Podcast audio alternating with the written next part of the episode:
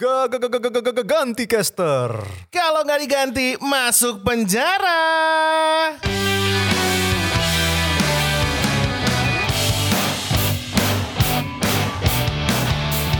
Wow, wow, wow, wow, wow, wow. Opening yang sangat membagongkan sekali. Yang sangat menyeramkan sekali karena semua-semua sekarang udah dihantui dengan ketidakbebasan. Waduh, baru menit pertama sudah ada ancaman-ancaman yang tidak jelas. Tapi gini, eh semakin lama kekhawatiran beberapa orang yang eh, ada itu kadang-kadang beneran sih. Jadi kayak gini. eh ya ini ini ini ini pembahasan secara kulit aja. Maksud gue gini kayak dulu apa-apa yang dilakukan orang itu gak bakal menemukan hal-hal kayak entah lu tiba-tiba nggak ada angin nggak ada hujan kena undang-undang lah Hmm. nggak ada angin nggak ada hujan tiba-tiba ada yang somasi lah gitu kan dan Hmm. misalnya kasus-kasus sepele yang seharusnya nggak perlu dibesar-besarkan tiba-tiba sekarang itu jadi gede banget dulu dulu dulu kalau umpamanya ya ini zaman dulu sih ya lo kalau nggak nurut sama pemerintahan ya minimal pilihannya cuma dua gitu kan Hmm. either itu lo jadi nurut atau lu diciduk udah selesai gitu doang Iya. Nah, kalau iya, iya, iya. sekarang nggak cuman ke pemerintahan doang, ke sekitar. Kalau kita bikin salah sama orang atau kalau kita secara tidak sengaja bikin salah sama orang, itu ada konsekuensi hukumnya yang dulu itu nggak ada gitu. loh. Kalau dulu lu bikin salah sama orang minta maaf selesai. Selesai. Sekarang kudu ada meja hijaunya dulu. Nah, itu dia. Gitu. Minimal ada materainya tuh. Minimal ada materai dah. Atau masuk ke sosmed, terus lu bawa kertas gitu sambil halo, nama saya ini, umur saya ini. Klarifikasi. Iya. Bikin video YouTube. Ah, itu ya tapi kalau kan? kalau kalau orang biasa ya. Iya, kalau orang biasa. Rakyat jelata seperti kita Hmm. itulah. Tapi kalau artis ya masuk podcastnya Om Deddy Corbuzier. seperti itu. Jadi nanti ada istilah yang bener-bener tinju di balas podcast. Oh. Menonjok orang, orang yang lu tonjok males untuk sekedar ngeramein atau sekedar eh, lapor polisi, ya udah podcast dulu lah. Terus itu baru lapor polisi kayak gitu sih biasanya. Ya dan itulah topik kita untuk hari ini. Eh, topiknya adalah kalau bikin turnamen e-sport tanpa izin, apakah kita bisa masuk penjara? Ini dia nih. Dan Biasanya gimana? biasanya gini kan kalau kita lihat eh, dulu dulu eh, pembahasan seperti ini tuh nggak bakal ada. Ya. Karena karena ya itulah orang-orang masih bisa bebas apa segala macam. Bahkan ada istilah yang namanya gopur. Goceng tempur. Turnamen goceng tempur gitu kan. Kalau sekarang mungkin masih ada tapi lebih rapih lah. Nah tiba-tiba nih coba jelasin Bung Yota kenapa tiba-tiba ada istilah kalau bikin turnamen gak izin kita bisa dikenai sanksi hukum. Karena eh, ini ada sebuah pengumuman yang dituliskan atau dipublish di grup WhatsApp. Tapi kayaknya dari tadi kita belum intro sih. Oh, benar benar juga. Benar Jadi balik lagi sama gue Yota dan juga Mas dan gua, Gary. Mas Gary dan kita tidak berdua doang hari Bener, ini. bener, Dan bener. Kita ada bintang tamu narasumber kita yang sebenarnya rekan lama juga sih. Yes. Ini eh, mungkin lu gue perkenalin aja dan yang ada bersama kita ini adalah ada Bung Wibi di sini. Halo Bung Wibi, apa kabar Bung Wibi? Halo semuanya. Luar Eh, biasa. Wibi si paling hukum. Nah, Nah, jadi kan kalau kemarin itu Yota si paling senior, gua si paling ditolak, kalau lu si paling hukum. Aduh. Sudah hari ini. mau, bilang salah tapi enggak. Iya, Lah, gitu. soalnya gimana ya kalau anak-anak ya eh, kan lu memang praktisi hukum.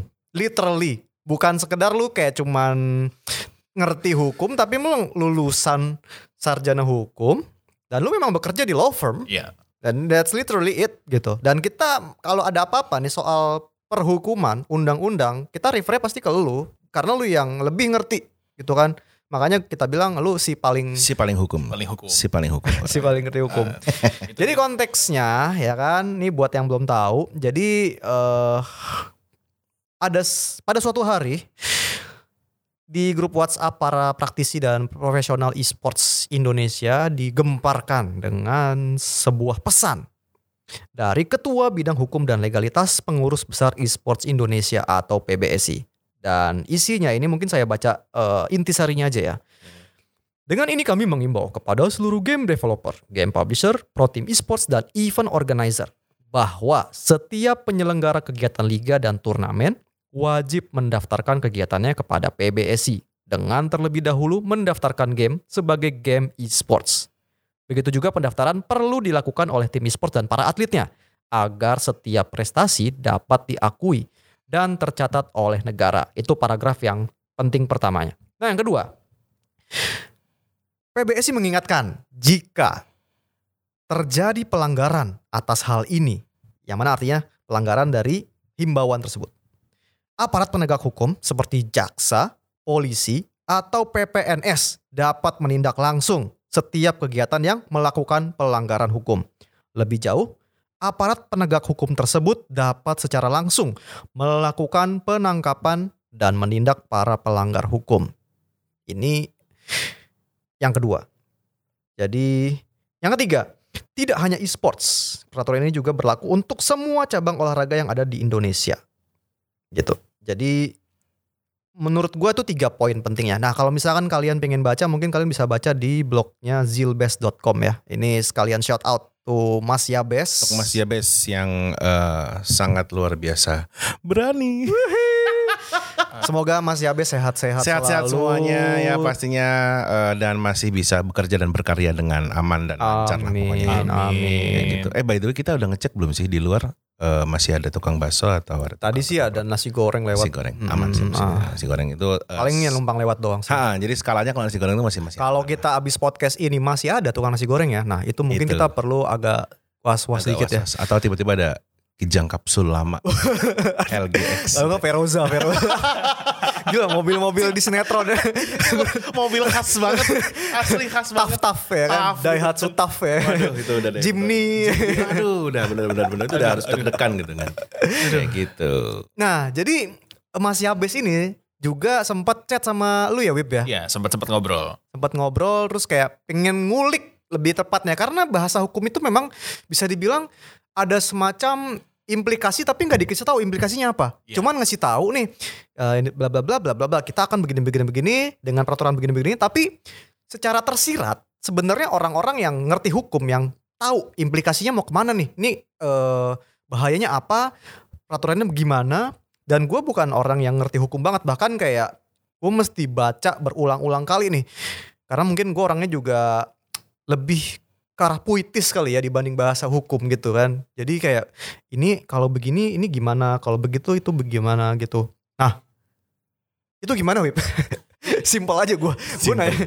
Sebenarnya peraturan ini tuh eh, implikasinya ke mana dulu sih gitu deh yang pengen gue tanyain Jadi sebenarnya eh, kemarin itu kan sempat dicat sama Mas Yabes gitu ya, ditanya lagi leha-leha udah eh, gue sebagai seorang shortcaster kan udah hampir nggak ngekes hampir setahun gitu ya. oke Lagi nyantai-nyantai ya kan, lagi baru selesai kerja. Tiba-tiba di chat, ini ada chat apa nih kok tiba-tiba gue ditumpahkan pasal gitu kan. Ditumpahkan pasal, pasal pidana. ya kan. Nah, ini pidana-pidana dari mana gitu. Tapi eh, pada dasarnya memang eh, seperti yang kalian tahu atau kalau misalnya kalian belum tahu bisa langsung eh, sekarang itu undang-undangnya itu undang-undang nomor 3 tahun 2005 ya benar yes ya. betul betul Undang-undang UU tiga. SKN Ya, undang-undang sistem keolahragaan, eh, keolahragaan nasional, Nasional, bakal betul. diganti jadi rancangan undang-undang keolahragaan. Tapi gue udah baca rancangan undang-undangnya juga, jadi dia revisi sebenarnya. Jadi Hmm. ada beberapa pasal yang diganti, tapi eh, secara pokok undang-undangnya nggak hilang. sorry Wip Oke. Eh, karena gue bukan orang Ya. hukum ya. Ah, revisi ini berarti undang-undangnya tetap sama tapi kayak V 2.0 gitu ya? Ya, Eh, ganti nama nih ibaratnya. Dia ganti nick gitu kan. Ganti nick tapi bukan sebagai undang-undang baru gitu kan. Ibaratnya penambahan. Ya. bener gak sih? Eh, jadi eh, tahu nggak sih kalau misalnya kita lagi ganti di Word gitu kan, kita lagi ganti terus kita ngelihat ada track changes gitu. Ya, ya, track ya, changes ya, itu ya, sistemnya ya. tuh gini, eh, undang-undang yang baru ini kalau dilihat dari rancangan undang-undangnya, dia bentuknya kayak track changes, mhm. tapi tahu nggak sih kalau orang track changes cuman changes lamanya nggak diganti, cuma dicoret Ya, doang. Ya, ya, ya, Kurang ya, lebih ya, sama ya, ya. seperti itu. Jadi kalau mau baca oke mau baca eh, undang-undang yang RUU yang baru gitu kan, itu harus baca bareng sama yang lama Hmm. karena dia masih ada pasal-pasal lama yang berlaku juga. Jadi Ah, oke kita bacanya harus sambil kayak samping-sampingan, matanya harus jereng gitu. harus ngelihat Ya. kayak eh, di compare gitu Iya, kan side to side gitu lah Jadi, ya. Iya. mata kiri ngelihat undang-undang lama mata kanan ngelihat undang-undang baru Iya. Itu gue tahu tuh siapa yang gitu. bisa tuh. bisa. aduh Ya. ya ya di sini. Eh, tapi tentunya jadi eh, di undang-undang yang baru atau undang-undang yang lama ya sebenarnya kan intisarinya nggak terlalu banyak berubah gitu ya. Eh, dia menyatakan bahwa memang eh, di sistem keolahragaan nasional atau RUU olahraga keolahragaan ini tuh eh, menyatakan bahwa sekarang tuh kejuaraan olahraga dan pekan olahraga ya, jadi pekan olahraga nasional, daerah, Hmm. eh, bahkan sampai tingkat mahasiswa itu memang sekarang jatuhnya di di bukan diatur tapi di dikepalai gitu ya, Dikepalai. Dina- dinaungi gitu kan, Oh, dinaungi oleh eh, cabang eh, apa namanya induk cabang olahraganya. Oke. Gitu kan. Jadi ada ada induknya gitu, ada emaknya lah Hmm. bahasanya gitu kan. Hmm. Emaknya ini tugasnya untuk bantu ngasih regulasi, untuk eh, apa watch over lah untuk supaya Iya. eh, kita mau mencoba untuk maksudnya secara secara general, secara gamblang gitu ya. Kita mencoba untuk menghindari turnamen-turnamen eh, bukan cuma e-sports ya, Iya, ajaib lah gitu kan. ajaib lah istilahnya. Ya kan yang bilang, "Iya, kita nanti lapangannya di lapangan A, pas sampai ke sana isinya tanah kosong gitu kan." Iya. Dan itu maksudnya hal-hal ini walaupun di Indonesia mungkin belum eh, belum ada satu yang wah banget tapi kita udah ngelihat di e-sports tuh di India udah terjadi terus Benar, di benar. Eastern Europe ya yang Dota eh Dota apa CS kalau nggak salah itu ya dulu zaman 2015 2016 tuh ada turnamen yang uh, prize pool ternyata bohongan, hotelnya ternyata bohongan. CS:GO. Apa? Yang si CS:GO. Iya, NXL, CS:GO. NXL Iya. berangkat itu kan. Iya, iya benar Oh, benar benar iya, yang, iya, yang iya, masuk iya. tiba-tiba. India kalau nggak salah. Ya, itu India. India juga ada, Iya. terus yang di Romania. Ya, Romania itu yang Romania. Jadi Jadi- kayak festival. Kalau kalian nih pernah denger Fire Festival. Nah, oh, Fire ya. Iya. semacam itu, tapi ini versi e-sportnya game Iya, Gaming iya. Paradise Gaming ya kalau Paradise, Gaming ya. Paradise, Gaming benar, benar, Paradise benar, kan, benar. ya, itu dia. dia. Gaming Paradise. Jadi hal-hal seperti itu yang sebenarnya ingin eh, pengen di avoid karena kan itu bawa nama tim gede-gede banget. Iya gitu, ya itu kan? marketingnya gede-gedean loh. Iya, jadi maksudnya eh, untuk memastikan bahwa hal itu tidak terjadi, kita perlu ada semacam sistem standarisasi dan itu nggak cuma di e-sports lah, itu Yes, untuk di yes. semua olahraga gitu kan. Hmm. Eh, dan memang untuk memastikan bahwa ya ya fair play, terus nggak ada Hmm. tipu-tipu dan segala macamnya. Eh, nah, jadi kan sekarang yang jadi permasalahan dalam undang-undang ini kan adalah em, apa namanya? Jadi secara sistem nih standarisasi em, give or take understandable gitu kan, Mhm. cukup bisa dimengerti. em, apa namanya? Implikasinya juga lebih banyak bagusnya daripada jeleknya Mhm. gitu kan. Walaupun memang em, yang namanya suatu teori dan pelaksanaan itu pasti berbeda karena Yap. perbedaannya bukan di teorinya tapi di orang yang melakukan eksekusi ya. gitu. Nah. Jadi eh, ada ada bahasa-bahasa kayak eh, apa namanya eh, power tends to corrupt, terus absolute power corrupts absolutely gitu kan. Mhm, Itu bener. kan dari Iya, iya. itu udah bahasa-bahasa filosofi lama Ya. lah Hmm. gitu kan. Bahwa kalau orang diberikan kekuatan pasti ada implikasi korupsinya atau Hmm. gimana pun juga itu udah ya itu udah tergantung Itu udah berlaku dari zaman Dewa Zeus ya. Iya, dari Di dunia mitologi Yunani dulu kan itu ya Zeus itu kan dewa segala dewa ya. Dewa sekali. Kalau dewa. ibaratnya uh, RRQ itu raja di atas segala raja Iya, King ini of ini gods of the gods. ini gitu. gods of gods man. Ya, jadi jadi hal-hal seperti itu maksudnya kayak kita udah ngomongin eksekusi gitu kan, itu udah udah udah panjang lah gitu. Iya. Cuman eh, secara teori gitu, eh, b- menurut gue pandangan gue sebagai seorang eh, pelaku e-sports gitu kan, karena gue dua sisi nih ya pelaku e-sports juga, hmm. eh, eh, praktisi hukum juga. eh, it makes sense. Cuman dalam konteks undang-undang ini yang cukup mengagetkan tuh sebenarnya eh, PBI Sports pada dasarnya. Jadi kita kita nggak ngomongin kulit, kita nggak ngomongin eh, dagingnya dulu ya, daging permasalahan, tapi kita ngomong kulitnya dulu. Oke. PBI Sports di sini mengambil satu posisi di mana dia eh, menjadi cabang atau induk cabang olahraga. eh, sorry, kita sebutannya tuh bahasa aktual tuh induk cabang olahraga ya. Induk cabang olahraga. Ya, induk cabang olahraga untuk e-sports. Mhm. Ya. Dan mereka bilangnya kalau di aturan PBI Sports yang tahun 2021 the one and only, satu-satunya. Yes, karena semuanya harus menginduk akhirnya ke PBI Ya, Sports ke PBI Indonesia. Sports sebagai pengurus besar e-sports Indonesia gitu. Eh, jadi mereka tuh sekarang memiliki suatu tugas, tugas yang sangat mulia gitu bahasanya eh, untuk memastikan bahwa semua eh, turnamen itu diawasi dengan benar, diawasi dengan jelas dan itu bukan cuma sekedar venue atau tim atau standarisasi tapi juga eh, yang paling biasanya paling jadi masalah ya kapan duit turun gitu Yes, kan itu yes. itu itu penting banget gitu kan terus standarisasi siapa sih yang boleh masuk untuk misalnya jadi investor atau Mhm. jadi sponsor itu Yeah. untuk memastikan bahwa kita semua turnamen tetap clean nggak tiba-tiba ada website judi lah Nah. atau website bokep lah Yes, gitu kan yes. hal-hal yang kayak gitu kan karena we have to keep the game clean, sportif dan tentunya uh, memiliki influence yang baik gitu ya. Hmm. Jadi uh, PBI Sports ini punya tugas mulia untuk memastikan hal-hal itu semuanya terjadi dengan baik, ya kan? Hmm. Uh, dan mereka uh, untuk memastikan itu, jadi dari yang gue tangkap dari apa yang ditulis sama Mas Mas Yudis ya, Mas Hmm. Yudhistira itu dia nulis bahwa uh, kalau misalnya kalian tidak melakukan pendaftaran, ya kan, kalian ada sanksi pidananya nih Yap. karena nggak ngikutin uh, aturan mainnya kita, Ah. gitu. jadi kalau kita lihat secara teori gitu kan, oh eh, kalau kita lihat bahwa kita dengan satu asumsi bahwa semua orang itu adalah orang yang sangat baik, iya kan, tidak korupsi, tidak berbohong, tidak pernah punya iming-iming eh, lain paling gitu kan, suci, paling suci, paling amanah, Paling amanah. jujur Iya. ya. Itu kayak poster-poster ya. Iya. Yang biasanya ada di Yang- 2023 nanti banyak bakal banyak banget. Sebenarnya udah ada dari sekarang. Iya sih. Cuman, jujur, eh, amanah, Dan terpercaya. terpercaya. Kayak pegadaian jadi Iya, hemat listrik loh. hemat listrik. hemat listrik. Awalnya akan itu tapi nanti belakangnya tetap akan ya pilih saya. Iya, iya, iya. Ma- manusia-manusia spek nabi lah.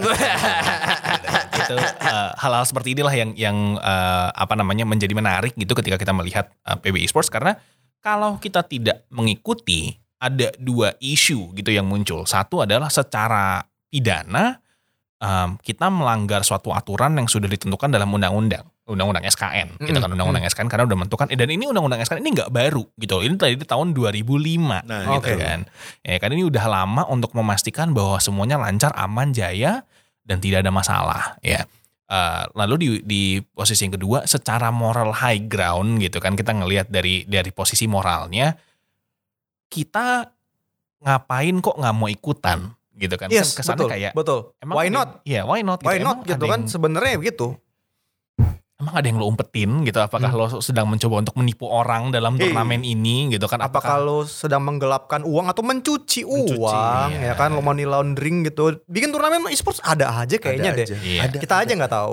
kita aja nggak tahu atau sekedar mungkin ya itu tadi lah yang paling ditakutkan kalau menurut gue ya kalau menurut gue ya nipu itu kalau momennya mau bikin turnamen e-sport terus untuk nipu gede-gedean itu resikonya bisa gampang ketahuannya I Mhm. mean like ya maksud gue ya di e-sports Indonesia yang ketahuan baru satu Ya. yang nggak ketahuan mungkin gue nggak tapi yang yang kecil-kecil mungkin banyak lah ya tapi Ya. yang gede kan ada satu tuh ya siapa yang nggak tahu sih kemarin eh, ada salah satu rekan kita juga yang kena begituan gitu kan ah, ah. Eh, apa namanya investornya kabur gitu Iya. kan terus kalau di luar ya itu tadi yang di India gitu kan cuman gini kalau ketahuan kita bisa kita kita bisa tunjuk subjeknya kalau cuman sekedar untuk menipu ya. Mm. tapi kalau money laundering itu yang susah. Itu biasanya sudah dilakukan oleh sindikat yang memang sudah ngerti. sudah ngerti sudah terstruktur Yes. sistematis gitu kan.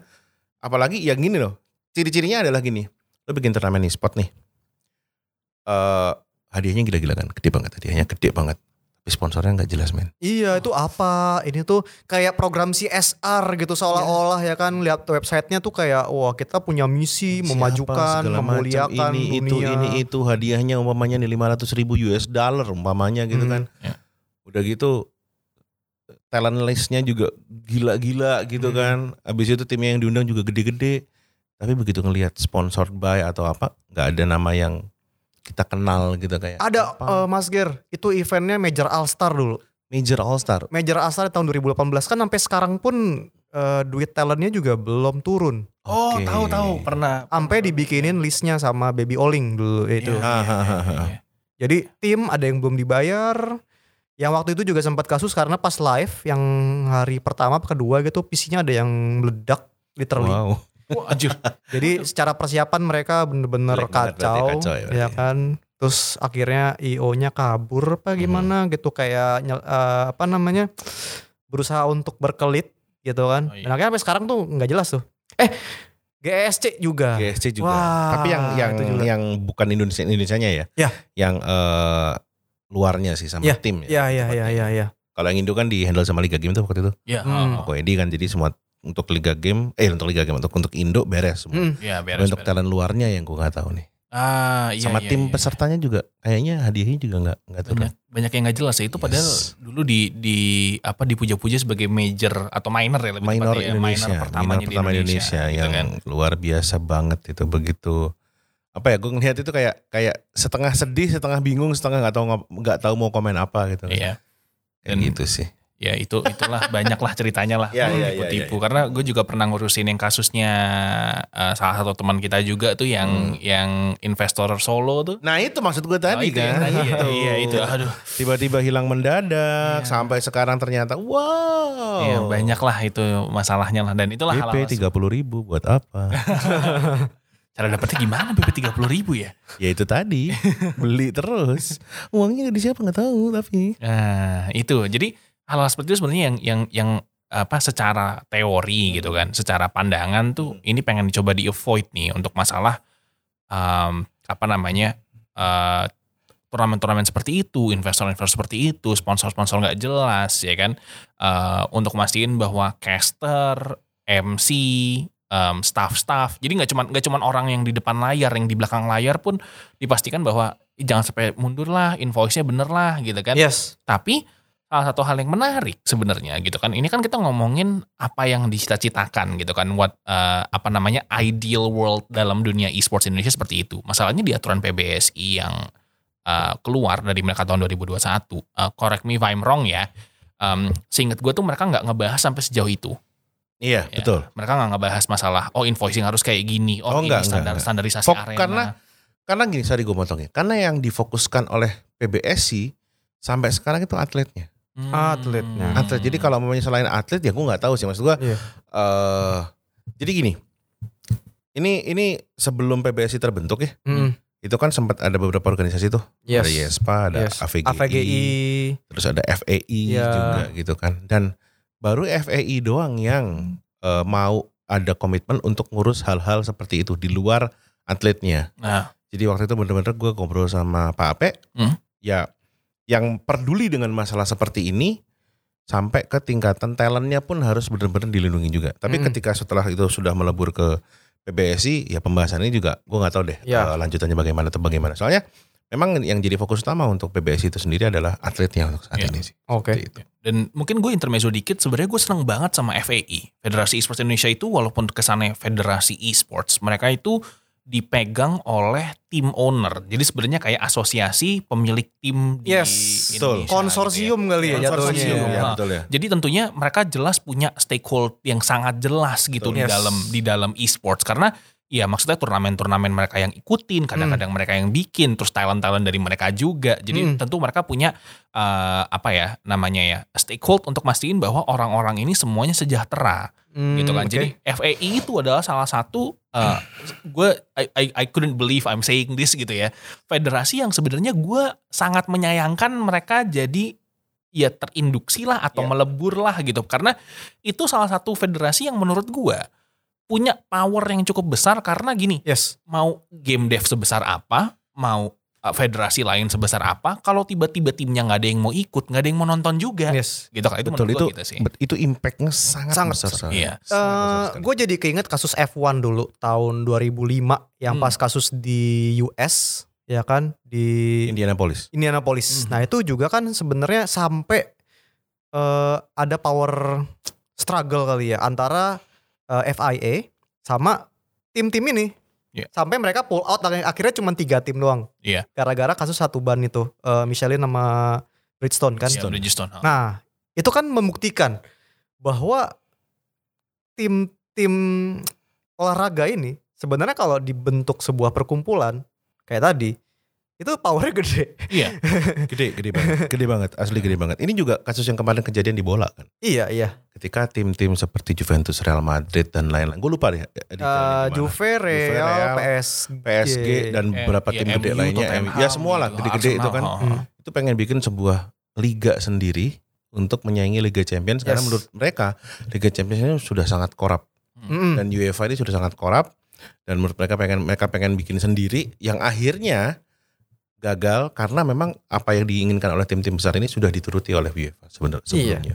Kayak gitu. Dan ini juga sebenarnya apa ya kalau gue lihat untuk implikasinya di Indonesia sebenarnya lewat FEI itu sendiri udah bagus banget karena FEI itu ada di dalamnya tim-tim besar yang umumnya gini nih, ada satu anggaplah terbentuk nih FEI ini. Hmm. Terus ada satu turnamen di mana IO-nya kayak gitu lagi kan. Iya. Bleek jelas. lah, IO-nya ble- bleek lah, Ya. berjalan dan tetap nggak mau balikin ininya, nggak mau balikin, misalnya nggak mau bayar tepat waktu atau bagaimana. Ya. Ya mereka tinggal gini aja. Ya udah kalau lu bikin turnamen lagi, tim gua nggak mau ikut.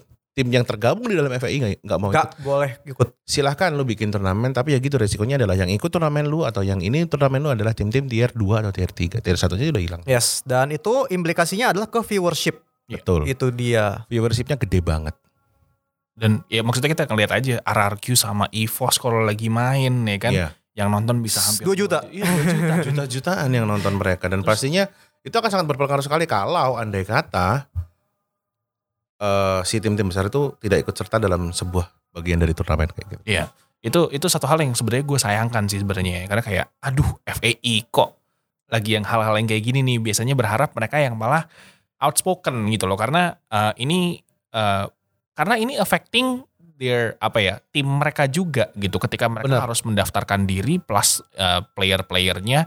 Dan kalau nggak salah PBSI itu tolong dikoreksi lagi ya meminta kayak semacam BPJS esports gitu ya dia sistemnya. Jadi nggak semacam bukan BPJS jadi kayak pembayaran iuran per tahun kalau nggak salah Aha, untuk aha. untuk ininya untuk biaya member-membernya gitu kan. Jadi eh, katanya sih bakal dapat kesehatan terus eh, legal apa namanya legal, Legal health, advice. eh, Legal iya. advice, legal standing apa segala Iya, dan macam. segala macam yang itu itulah jadi kayak em, sebenarnya hal, hal seperti itu kan berarti gini ada ada dua hal yang biasa terjadi nih di sini either playernya bayar sendiri atau dibebankan ke tim Yes. ya kan dan kalau player ngelihat dari watak mereka yang rockstar all star type semua mereka bilang ngapain gue bayar orang Hmm. lo yang butuh gue bukan gue yang butuh lo tim gue aja lah yang bayar gitu kan dan Yes. itu kan oke kalau misalnya cuma timnya cuma satu ya nggak masalah Hmm. gitu kan cuma lima orang doang yang dibayarin ya kan tapi kalau timnya bisa sampai ada 6 sampai 7 beban biaya itu ya extra cost gitu kan dan itu menurut gue ketidakadaannya atau eh,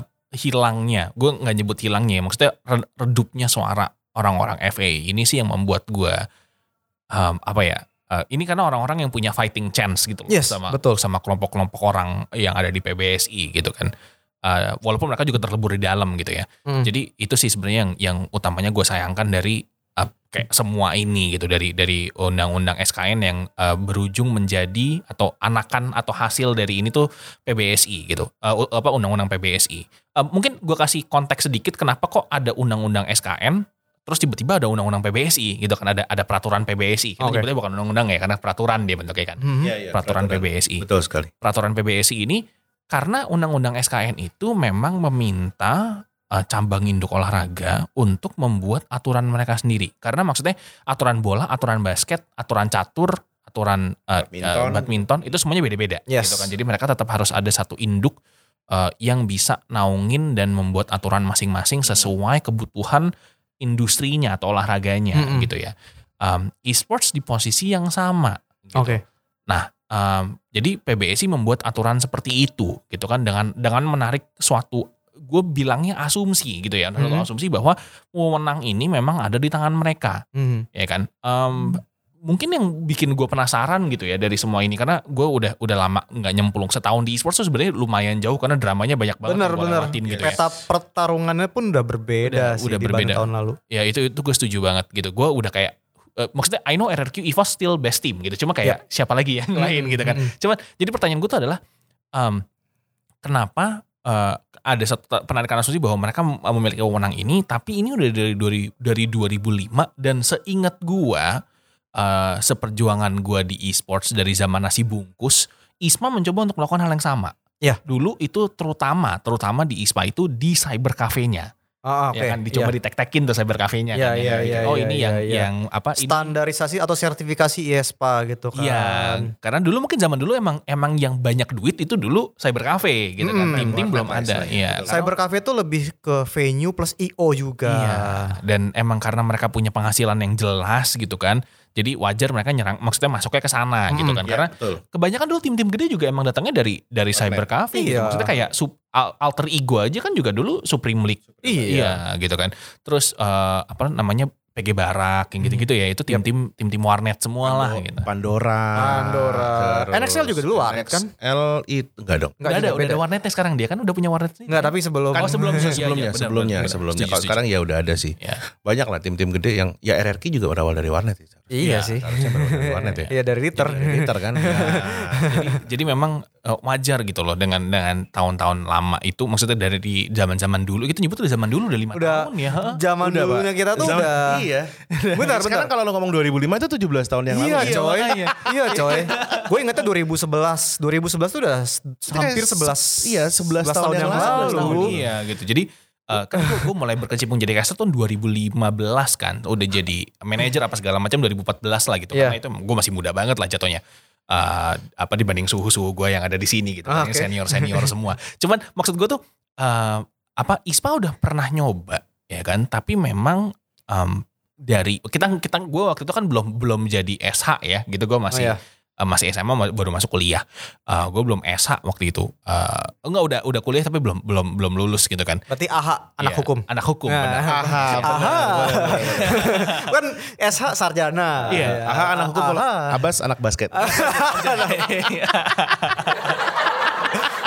Eh, tawa aja penonton. Ya, jadi eh, yang jadi menarik tuh eh, ISPA nyoba untuk melakukan hal yang sama tapi em, imbasnya nggak terlalu besar ya, ripple efeknya nggak ada. Enggak gitu. terlalu masif kali Nggak ya. terlalu masif dan Nah. maksudnya kita tidak pernah melihat ada orang yang akhirnya ditangkep gitu padahal maksudnya orang-orang yang ada, seingat gue ya orang-orang yang ada di atas Formi pun juga dan ISPA sendiri juga punya koneksi ke eh, penegak hukum penegak hukum yang udah Nah, ada di Indonesia saat iya. itu. Nah, nah, nah, gitu. nah. Itu. Ya.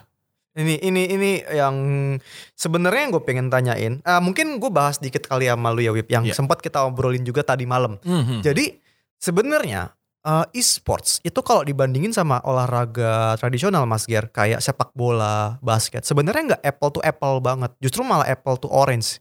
Yang paling mirip-mirip sebenarnya adalah bela diri. Jadi ibaratnya e-sports tuh kayak bela diri. Cabang bela diri kan banyak karate, taekwondo, jiu-jitsu, judo, Iya. MMA. Sama kayak e-sports cabangnya Mobile Legend, Free Fire, PUBG Mobile dan tiap-tiap cabang olahraga ini atau tiap-tiap aliran ini udah punya badan sendiri. Bener gak sih Wip? Iya benar-benar. Nah itu yang yang gue pengen coba untuk discuss sama ke, ke kalian gitu. Nah kalau di e-sports, Mobile Legend, eh, Dota, League of Legend, Free Fire, PUBG Mobile, semua udah punya induknya sendiri sebenarnya yaitu publishernya, Publishernya itu yang sendiri. punya Segala macam rights-nya, ground rules lah punya ya. haknya untuk eh, intellectual property atau IP. Jadi Ya. mereka yang punya IP-nya ini sebenarnya. Nah, apakah dengan peraturan ini para pemilik IP IP game-game ini akan langsung bilang oh iya mereka setuju mereka akan willing atau sebenarnya akan menimbulkan tanda tanya lagi sebenarnya ke mereka gitu ini buat apa sih? Karena kan kita yang udah punya udah punya haknya gitu buat beroperasi. Kita udah minta izin juga ke untuk buka kantor misalkan untuk kayak kayak Munton kan udah punya punya kantor punya Iya. badan hukum juga di sini sudah terdaftar sebagai PT gitu kan Eh sama halnya kayak Tencent Hmm. yang memang sudah ada kantornya juga di Indonesia Garena Iya. mereka IP owner yang memang sudah patuh gitu dengan eh, hukum Indonesia selama ini ya ini menurut pandangan gua Hmm, nah hmm, hmm. apakah dengan hukum baru ini dari PBS ini mereka akan akan menimbulkan tanda tanya lagi untuk mereka atau kayak bakal kayak gimana gitu yang pengen gue bahas gimana Wip atau Mas Ger? Hmm, kalau gue ngelihat sih ya, eh in, jadi gini, kalau menurut gua nih ya, keberadaan peraturan tersebut yang tadi dicetuskan itu adalah untuk menahan powersnya si publisher ini yang way too big menurut gua. ya. Iya iya gue Gua cukup ya. setuju cukup Hmm, setuju too karena eh, memang dengan apa yang mereka juga sudah eh, lakukan sekarang memang bisa dibilang memberikan efek positif juga tapi itu dia absolute power Corrupt to corrupt. nah atau- itu dia Nah. Seperti itu. Dan gini gini, ad- jadi gini, kalau um, jadi gini, ada ada yang namanya persaingan. Mhm. Nah, ini yang membedakan antara kalau yang lu bilang tadi eh, e-sports ini adalah persamaannya dengan bela diri. Mhm. Perbedaannya hanyalah Aliran. sejauh apa aliran tersebut dalam artian ya rebutan murid. ah, Kalau di bela diri, iya sorry iya sekali iya, lagi iya ya. bener bener Kalau di bela diri bener bener bener dan menurut gua eh sampai sekarang itu pun juga hanya hal yang sama juga terjadi di dalam e-sports itu sendiri lah. Ya Yes. rebutan istilahnya kalau di sini adalah rebutan player. rebutan gamer kali rebutan ya. gamersnya, rebutan playernya. Mm-mm. In the bracket adalah rebutan orang-orang yang ingin berkecimpung di dalamnya. Mm-mm. Ya, cuman apakah anda pernah melihat orang yang jadi ibarat kata sabem di tek bener gak sih ngomongnya sabem sabam di taekwondo tidak boleh ngajar tinju oh pernah nggak? gak pernah Adanya larangan, le kamu sabam taekwondo, gak boleh kamu ngajar tinju. Emang nggak boleh? ya? Nggak tahu makanya gue tanya. Nggak ada boleh. nggak? Kayaknya singkat gue kagak deh. Karena Enggak kan? eh sem- singkat gue di bela diri itu semua orang boleh Boleh dan berhak. sabuk hitam di, di beberapa beberapa, disiplin cabang bebas gitu tergantung dia mau eh, kan biasanya kalau sabuk hitam tuh butuh berapa tahun ya dia Yes. mau silakan aja latihan bertahun-tahun gitu sampai dapat sabuk hitam di Betul. beberapa bela diri Betul. gitu kan Sama kayak di MMA kan. Mm-mm. MMA itu kan kadang-kadang atletnya itu tidak hanya berfokus pada satu disiplin Aliran. bela diri tertentu. yes, yes. Nggak Kayak bisa contoh, lebih tepatnya. ya, lebih. Malah lebih tepatnya iya. nggak mungkin bisa. Nggak ya. Lo menang ground tapi lawan orang yang Fighter jago gitu kan. strike gitu Mm-mm. mati juga kan lo, gitu kan Mm-mm. istilahnya kayak gitu.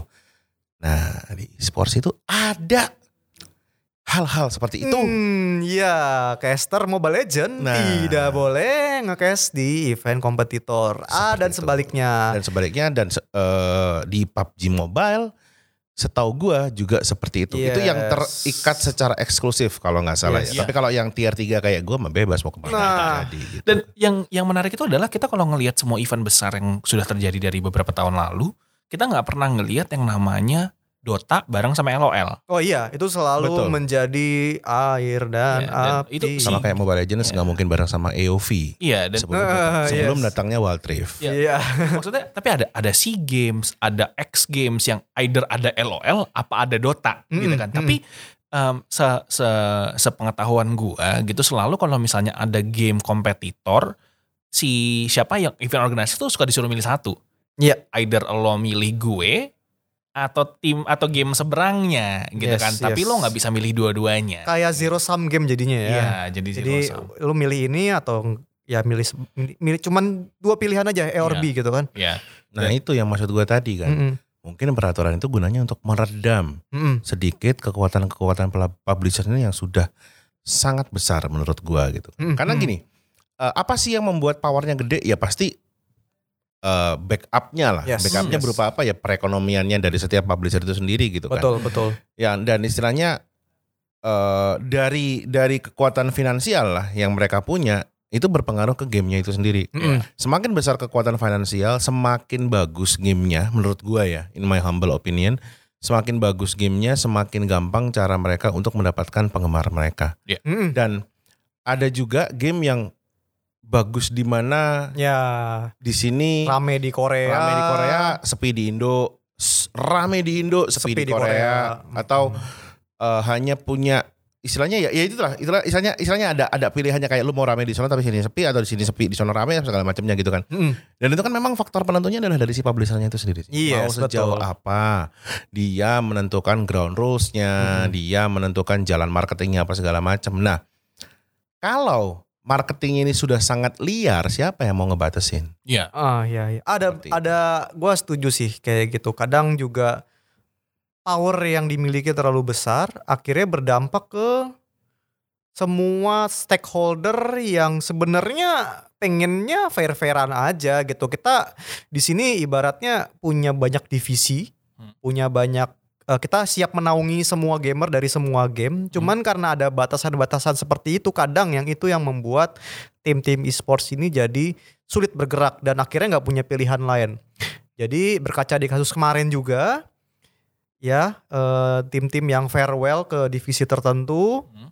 karena gua nggak tahu sebenarnya itu bener apa enggak. Cuman kayak ada implikasi atau ada petunjuk tim-tim yang ngebubarin divisi gamenya itu adalah tim-tim yang bertanding atau menjadi stakeholder di Tier Liga. tertingginya liga game yang lain Liga gitu. sebelah Itu. gitu ya biasanya. sebelah dan itu benar-benar terjadi secara simultan. Ah. jadi Berarti- iya itu. Ya itu tadi kan, berarti Heeh. powernya kuat sekali dong. Iya Iya. gak sih? Lu lu udah invest, anggaplah eh, lu pemilik eh, tim A. Iya. Lu udah invest di game B, Mm-mm. pilih tim apa segala macam bahkan ikut turnamen. Yes. Tiba-tiba gua sebagai developer dari game A bilang, "Eh, bubarin dong. Nih gue kasih ini nih kalau mau." Seberapa gede kekuatan gua? Yes. Itu loh maksud gue. Yes. Nah, itu itu gue paham sih dan gue gua ngerti betul gitu. Cuman satu hal yang perlu kita kita ketahui itu adalah kayak gerakan-gerakan marketing atau gerakan-gerakan eh, jalur-jalur seperti liar gitu ya, gurela apa eh, gurela-gurela seperti itu loh gitu ya. ya kan itu sebenarnya em, yang menarik itu kita nggak perlu nunggu PBSI atau federasi mana pun untuk membuat suatu aturan karena aturan yang eh, sudah ada di Indonesia itu udah cuk gue nggak bilang cukup ya cuman sudah ada gitu loh. Oke. Eh, eh, penanganan-penanganan eh, seperti itu. Itu salah satu contoh itu adalah competition law gitu kan. Competition law itu, Ah, eh, persaingan usaha. Ya kan? hukum ibaratnya anti monopoli ya. Ya, anti monopoli, terus nggak boleh predatory pricing, Ah. gitu kan. Jadi maksudnya predatory pricing itu kayak gini. Untuk misalnya tim A ini cuma punya tim, eh, say tim Mobile Legends gitu. Kita Oke. kita kita nggak ngomong, kita eh, ini teori ya, kita Ya, bukan ya, ngomongin ya. yang kejadian. Eh, tim A ini cuma punya tim Mobile Legends, ya kan. Lalu tim B ini punya tim Mobile Legends dan kompetitornya tim Wild Rift, misalnya kayak gitu Oke. untuk masuk ke liganya si tim Mobile Legends gitu kan misalnya si developer bilang oke kalau lo cuma punya tim Mobile Legends lo cuma perlu bayar 1 m tapi kalau lo punya dua-duanya lo harus bayar 5 m ya kan itu jatuhnya predatory Ah, pricing itu nggak oke, boleh gitu Itu, itu malak namanya ya. Iya, itu malak. itu malak namanya, Gitu, bos. jadi- By the way, yang nggak ngebolehin siapa? Eh, harusnya developer gitu kan Nah, itu gede-gedean, Nah, iya. gede-gedean influence kalau Nah, menurut gua. tapi itu itu maksudnya ada ada undang-undang yang eh, tidak memperbolehkan hal itu terjadi Jadi sebenarnya tanpa PBS ini sebenarnya udah bisa Udah kalau bisa. misalkan mau diperkarakan atau dipanjangin. Iya kalau Bener mau nggak? dipanjangin. Tapi kan Oh. problemnya kan karena mereka influence-nya gede, backingannya gede, biasanya tim-tim yang di situ tuh ya Nggak ada David versus Goliath Iya, gitu kan iya, iya, iya, kan. iya, Kita iya, nggak iya. mungkin juga gitu loh.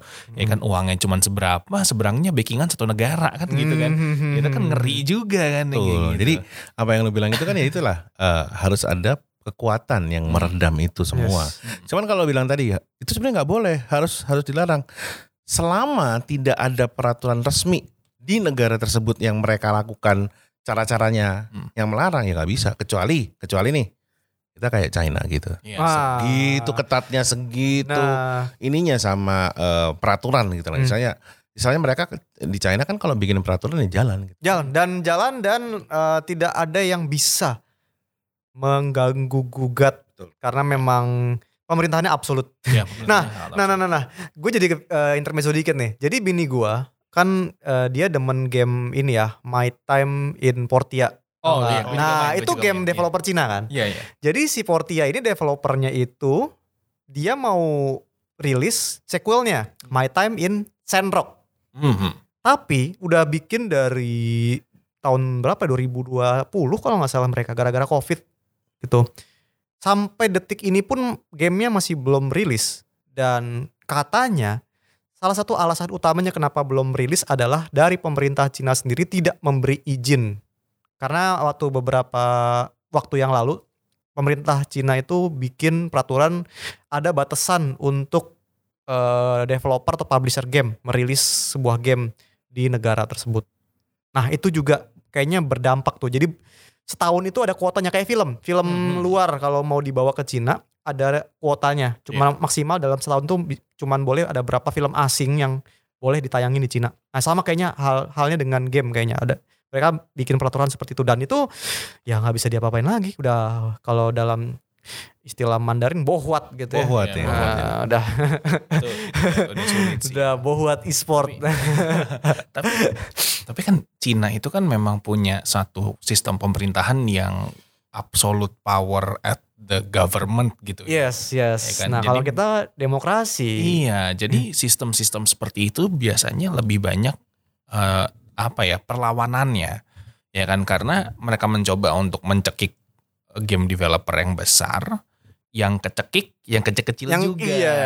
gitu. Jadi tiba-tiba game developer baru gitu kan atau misalnya yang, Yang Indo. Indo, Indo punya lah, nggak usah Mhm. nggak usah indie gitu, Indo punya double A, Indo punya, Iya, gitu kan iya, iya. tiba-tiba ngelihat itu kayak gua kan nggak segede game-game sono gitu kan tapi Hmm. kenapa gua harus dikasih tight regulation segila ini cuman untuk supaya bisa ngeramein apa ya kompetitif scene-nya player Hmm. versus playernya atau bahkan Iya. player versus enemy-nya tapi diturnemenin gitu kan Iya. kan banyak tuh yang kayak Iya, gitu banyak, ya yang banyak. time attack lawan time attack kayak Monster Hunter Monster Atau Hunter. speedrun. Ya, ya. speedrun. Monster Hunter kan turnamennya nggak ada player versus Benar, player. benar. ya Cepet-cepetan aja kan? Cepet-cepetan gitu. Jadi hal-hal yang kayak gitu kan yang bikin orang kayak ini kan gue bukan developer gede.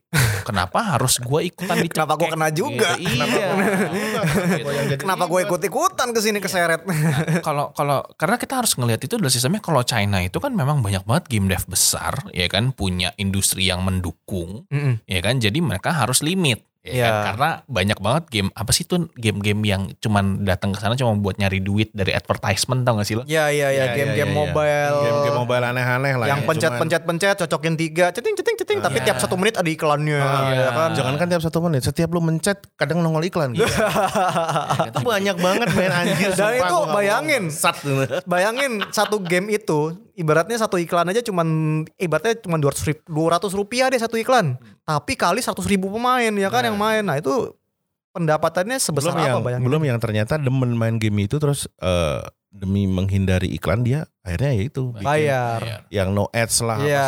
Setelah diajar no ads, dia bisa ini lagi dengan eh ini yang ini yang ini yang jamak terjadi kalau lu perhatikan. Ini ini ini ini menarik perhatian gue banget. Jadi gini, gue tuh sering banget nyobain game-game yang MMORPG ajaib-ajaib, yang terutama di smartphone. antah berantah ya Yes. kan.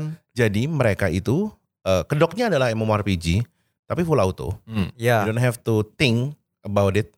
Lu bener-bener gak, gak pakai mikir, sumpah. kayak game idol aja gitu ya. Yes, tapi eh, grafiknya dibikin hampir mirip. Hmm. Hmm. dengan senjata-senjata yang besar, Efek-efek glowing. Iya. ada ya. sayap, ada, Ada mount, kuda. ada kuda, apalah kura-kura terbang, kuda bersayap, kura-kura bersayap, unicorn, terus tiba-tiba lu kalau top up dalam jumlah sekian dapetnya pesawat jet. pesawat jet It bersayap. happens. It happens. Jadi khasnya mereka adalah mereka itu memba. Jadi gini, ada satu tahapan di mana mereka memberikan sebuah reward yang sangat luar biasa ke pemain barunya dengan apa? First top up. Oh iya, itu sudah banyak terjadi. First top up lu dapat pedang tier S, baju tier S. Oke. Itu VIP 1. Kalau lu Ya. nama jadi VIP 2 lu bakal dapat pet tier S. Nah. Kalau nama jadi VIP 3 lu bakal dapat kostum tier S. Terus setnya jadi emas. Ah, ah, dapat Ya gelar, kan, ada dapat tulisannya title, apa segala sultan macam kecil. sultan apa segala macam gitu kan. And in the end itu semua jadi doesn't matter. Iya. Karena apa? Ada perimeter lain yang harus lu pikirin juga kalau lu mau jadi the one and the only atau the one atau yang atau yang jadi the best lah di game itu. Hmm. CP, combat power itu up banget. Iya. Combat power lebih berbahaya daripada gacha. Yes, betul. Karena eh kita kan selalu ibaratnya berkompetisi ya. Bahkan nasib pun kita adu gitu. Hmm. Kita ngadu nasib gitu sama orang sekitar kita. nah, Lu sama. mah enak lah gua. Nah, masih mending, masih mending lu. Nah, gua ya kan eh, gitu. Ah, lu mah kayak gitu mah gampang, gua dulu gitu Iya. gitu. Kan nasib ngadu nasib ya, kompetisi sebenarnya. kompetisi. Nah, sama halnya dengan game-game ini. Combat powernya pakai angka. Kayak Jadi, apa, men? Perbedaan satu angka, apalagi kita ngomongin player-player Sultan, itu sudah sangat membuat mereka gatal, ingin Hmm. top up lagi. Hmm. Sama kayak kayak apa yang gue bisa upgrade lagi nih. Misalkan eh, senjatanya masih plus 9 mau ke plus 10. Padahal chance dari plus 9 ke plus 10 nya cuma 0,0001 persen. Dan dia bakal hajar itu demi satu CP. Iya. Kayak Itu gitu. Selesai senjatanya, ya kan? Bajunya, skillnya, skillnya, petnya, petnya, mountnya. Eh tetek tetek banget yang me- yang mendukung CP itu naik bukan dari mulai eh, apalah selir-selirnya ada kan. Esen, selir, apa istananya di upgrade juga. Istananya kalau bisa di, digendong, digendong lah itu itu banyak sekali Wip, game-game kayak gitu dan bener sekali bu- buat eh, pemerintahan di China yang memberikan sebuah peraturan di mana itu ada pembatasan. Kalau enggak game kayak gini bener-bener bisa ya jeleknya adalah developer-developer kecil yang ingin mencari uang dari game seperti Nah. ini jadi ketahan. Iya. Iya. Gak Kayak boleh gitu. lu bikin kayak gitu. Dia, dia for the health of the ecosystem lah itu Yes. untuk kesehatan Their ekosistem. ecosystem. Iya, their ecosystem. Iya nggak sih? Bukan ekosistem. Iya nggak sih? Bukan beda dong. Bukan ekosistem kita. Beda, beda. Beda, beda, Jadi, beda. jadi hal seperti itu mungkin wajar. Cuman di Indonesia itu kan kita belum sampai sana. Ya kan kita belum Yes. sampai di titik di mana kita punya se eh, luxury Hmm. untuk bisa memilih dari berbagai macam game yang bagus.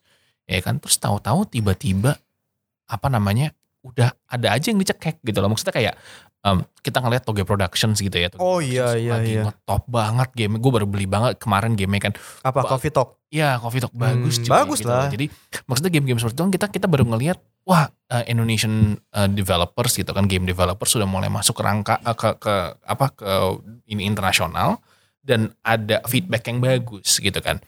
Out of nowhere ya kan tiba-tiba jebret gitu kan. Ada yang coba bikin game kompetitif dari ini Indo atau eh, apa sih Lokapala? Eh, Iya Lokapala, iya kan? Lokapala. Hmm. Lokapala itu kan salah satu developer Indo ya kan dengan style yang sangat Indo banget. Terus tiba-tiba untuk bisa bikin turnamen you have to follow PBSI rules gitu kan. Iya. Dan itu yang membuat gue kayak we are not like sure oke kita mencoba untuk restrict atau dengan mindset kita ya kita Hmm. mencoba untuk nge-restrict si uh, powerhouse powerhouse game developer ini. Tapi at what cost? Hmm. gitu kan. Itu pertanyaan gue sih sebenarnya. Itu satu. Ya kan. Yang kedua itu adalah worth it nggak sih? Iya. karena um, orang-orang yang um, pertanyaan kita adalah gini, apakah masyarakat ya kan memiliki trust atau memiliki Nah, kepercayaan? itu. dan apakah uh, induk cabang cabang induk olahraga ini memiliki transparansi yang cukup untuk memberikan kepercayaan kepada masyarakat, game developer, atlet dan semua orang yang di stakeholder ini untuk percaya sama induk eh, cabang induk olahraga ini agar bisa apa ya bahasanya ya Eh, agar kita bisa tentram gitu loh bahwa kita harus istilahnya apa ya untuk bisa ada di e-sports kita harus menyerahkan diri kita ya kan? Dan mungkin anak pertama kita juga ke apa induk cabang olahraga kita yang tercinta ini gitu kan itu kan yang sebenarnya jadi pertanyaan Ya, gitu kan dan topik kita sebenarnya hari ini pun ya itu sebenarnya poin utamanya adalah trust factor ini. iya Yes, trust factor-nya sejauh apa kita bisa percaya dengan eh, organisasi ini. Ya. Sebenarnya gini sih, kalau gua ngelihat ya, ini karena gua ngalamin sendiri sih, karena karena gua gua eh, kebetulan kemarin juga ngelihat PBSI itu dari dalam, meskipun gua bukan orang dalam gitu kan. Oke. Dalam artian gua eh, suka dengan cara mereka. Ini karena gua eh, kebetulan yang bersinggungan adalah dengan event-eventnya. Mhm. Hmm, Oke. Gue suka cara mereka handle event. Hmm. Itu rapi. Dan mereka nggak ada ampun untuk orang-orang yang tidak kompeten. Hmm. Itu yang gue suka banget. Jadi eh gue sempat diberangkatkan ke Papua Hmm. untuk menjadi salah satu pengisi acara di PON. Pon Gua- 20 ya. PON kemarin, PON Esports Exhibition gue nge-host dan gue sempat ke cash. Dan benar-benar orang-orang PBSI ini tidak ada ampun untuk orang yang tidak kompeten. Karena mungkin ya, karena backgroundnya adalah militer, ya militer nggak ada ampun lah untuk orang-orang yang Oh tidak iya kompeten of course, of dong. course. Pasti. Iya, iya. itu yang sisi positifnya yang gue lihat banget banget dari P- orang PBSI. They want, misalnya mereka ingin orang-orang yang terbaik untuk menjalankan apa yang seharusnya dijalankan di dalam organisasi ini. Iya. Bahkan sampai ke kelasnya eh, pengisi acara, kru segala macamnya. Hmm. Nggak cuman dari yang gedenya, Hmm. kayak sarana prasarana. Mereka juga mau yang tetek bengeknya yang hal kecil-kecil aja itu diperhatikan. Sampai gua itu dapat notes ketika cara gue menyapa pejabat-pejabat. Hmm. Itu gue di notes. Sedetail itu. Dan Notes lebih kayak koreksi ya. Yes. Iya. Jadi kayak pas di pembukaan gue di notes meski nanti kalau mamanya next ketika manggil pejabat harusnya kayak gini-gini gini. Oke, siap. Tapi untuk the way we do it, mereka nggak ambil nggak nggak nggak ikut istilahnya nggak nggak nggak ngatur lah. Iya, iya. Nggak seketat protokoler Iya. karena iya, gue iya, sudah iya, pernah bekerja sama dengan protokoler presiden, Yes. ya kan? Meskipun tidak secara langsung MC-in presidennya karena empat kali empat kali empat empatnya gagal gitu. Iya, empat empatnya. jadi datang. Ah. Tapi gue pernah sudah pernah bersinggungan dengan protokoler. Hmm. Di protokoler, lu akan diatur seketat mungkin sampai intonasi lu diatur oleh mereka. Tapi untuk yang di pon kemarin enggak. Gue diberikan kebebasan, gue diberikan ya istilahnya panggung gue ya gue yang ngatur gitu loh. Hmm. Meskipun eh, ketika sudah ada yang seremonial resminya, gue akan ada ada istilahnya ada ordernya untuk eh, diikuti gitu loh. Tapi ya setelah itu ya udah gitu loh. Pun gue pengen ngebecandain pun masih oke lah. You Tapi are kalau- the master iya. of the ceremony. Yes, gitu I'm ya. the master of ceremony ya. Iya. Ini acara gue Hmm. gitu kan. Jadi eh, apa yang akan gue lakukan untuk membuat acara ini semakin hidup, semakin bagus ya itu adalah tanggung jawab gue dan gue yang fully 100% mengatur itu. Ketika gue sudah di atas panggung pegang Hmm. mic. Protokoler enggak. Gue diatur dari mulai intonasi. Hmm. Dari cara gue pegang cue card pun gue diatur. Sedetail itu. Gue pernah soalnya. Jadi pada saat itu gue diatur segala macam, ya gue harus Ba- sampai sampai dibilang bapak maunya kayak gini kayak gitu Hmm. si bapaknya belum datang Iya. tapi dibilang bapak Sudah nanti kayak gini dititipkan sudah pesan ya. dititipkan pesan bapak maunya kayak gini segala macam Ya. dan gue sebenarnya gue yakin sih si bapak nggak mungkin sedetail itu Tapi tetap itu SOP tapi ring satu ya. SOP-nya Hmm. kalau untuk protokoler ada SOP kalau untuk eh, yang kemarin gue dari PBSI ada tapi yang untuk sebatas kulit aja kayak Iya. ya lu formal pakai aja Koridornya luas lah ya. Koridornya luas banget. Luas, iya. Itu sih yang gua gua suka sekali dari PBSI ini dari dan jujur ya, jujur nih ya. Yang gue suka dari mereka adalah mereka bisa dengan sangat luar biasa mentreat orang-orang yang memang dalam artian kali ini adalah eh apa ya istilahnya eh pe- yang punya peran penting di acara tersebut. Iya. Atlet. Bagaimana cara? Jadi gini, atlet gue gua waktu di pon kemarin itu atlet pun hamin satu sebelum tanding dibikin bener-bener nggak tegang nggak apa segala macam. Karena anak-anak muda ini yang bertanding kemarin kan datang dari berbagai provinsi Yes, di yes, Indonesia. yes. Kulturnya pun bisa beda ya. Betul. Dan mereka pertama kali tanding di pon. Ya. Tapi gue suka cara mereka, teman-teman dari PBSI ini, bapak-bapak kita ini, untuk membuat acara itu seluas mungkin, senyantai mungkin gitu. Hmm. Kayak gitu sih. Contohnya kayak gimana mas? Mereka kan ada makrab men. Jadi ya, sesi gathering gitu Iya, ya. Hamin satu tuh ada makrab. ya. Untuk semua semua ini semua atlet segala macam dikumpulin Ah, apa. Macam. Unggun. Enggak sih. Oh enggak ya. Enggak sampai api. Tapi kita dikumpulkan di satu venue hoki. Ah, Waktu itu di seberangnya venue utama kita ada ada venue hoki gitu. Itu bagus banget standarnya internasional di Papua itu itu bagus banget dan dikumpulin di situ nyanyi-nyanyi, main gitar apa segala macam, tapi tetap menjaga protokol kesehatan yang berlaku lah. Dan tidak ada yang terkena COVID. Ah, Wah. Itu itu yang Itu yang keren banget, Yang asli keren. sumpah keren banget. Di situ sih dari eh, atlet ya. Iya. Kalau pengisi acara gue nggak tahu lah ya. Mm. Itu yang gue salut sih bagaimana mereka menja. Ini event ini ketat, Hmm. tapi tetap humanis. Iya. Dan manusiawi. Meskipun ini ada satu kejadian yang gue kayak kampret gitu Iya. kan. gue nggak tahu main kalau pembukaannya itu. Jadi pembukaan nih itu ada eh, pejabat yang datang. Gue lupa. Itu tuh kalau nggak salah eh siapa ya? Gue lupa deh. Pokoknya untuk pembukanya tuh entah Pak Bambang Susatyo, entah siapa. Gue lupa. Gue lupa banget deh. Habis itu gue ngeliat ada jadi ada orang pakai pakaian kayak PUBG M, kayak PUBG Oke, iya. dari PUBG mulai- Man. Iya kayak iya PUBG Man. Bukan bukan PUBG Man salah. Kayak PUBG gitu. Jadi dia pakai pakaian tentara komplit, Oh, military. military yang gua kira itu cosplay, Cok. Astagfirullah. gue sampai gini, wah keren nih si bapak mau mau eh, opening ceremony aja lengkap banget loh sampai dia dia di dalam kepala gue waktu itu sampai hire orang cosplay. itu mau gue tepok begini, mau gue tepok, mau gue ajak foto. Pas gue lihat, gue deketin sininya gegana, Iya. di tangannya gegana, ujung senjatanya nggak ada orange tip. Ya, Artinya senjata asli, dong. asli. Gue mundur cok kaget anjir. Wah brengsek ternyata itu asli. Goblok dalam hati udah disisir. Gue keluar ada ada kendaraan rantis. Wah ternyata memang benar. itu kaget sumpah gue. Asli kalau gue nggak ini mungkin udah gue gue gue tau. Bro foto dong mungkin gue ngomong gituin asli. Tapi ternyata itu brimob asli. Minta untung diselamatkan oleh nasib sih. Iya. Coba kalau misalkan Gary Eka di universe lain gitu kan, Nah, itu. mungkin udah nggak survive sih. Literally udah ditusun. Atau pindah karir gue jadinya nih tukang, foto- tukang fotokopi apa gitu gue nggak tahu. di band dari sports ya. kayak gitu. Nah itu sih yang membuat gue eh di- gini, gue gue gue tidak memungkiri kalau gue tuh sempet eh, skeptis Iya iya iya. dengan iya. segala Oke, macam oke, organisasi oke, ini. oke. Of course, of course. Gue skeptis karena gue adalah orang, gue jujur ya, gue jujur. Gue termasuk orang yang pada saat itu bingung gitu loh.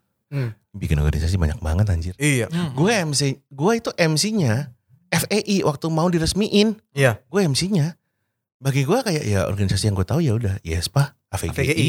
FEI. Hmm. Terus tiba-tiba ada PB lagi nih, apa nih? Apakah jadi organisasi keempat? Iya ya. Pas gue lihat backgroundnya kok jenderal-jenderal. Iya.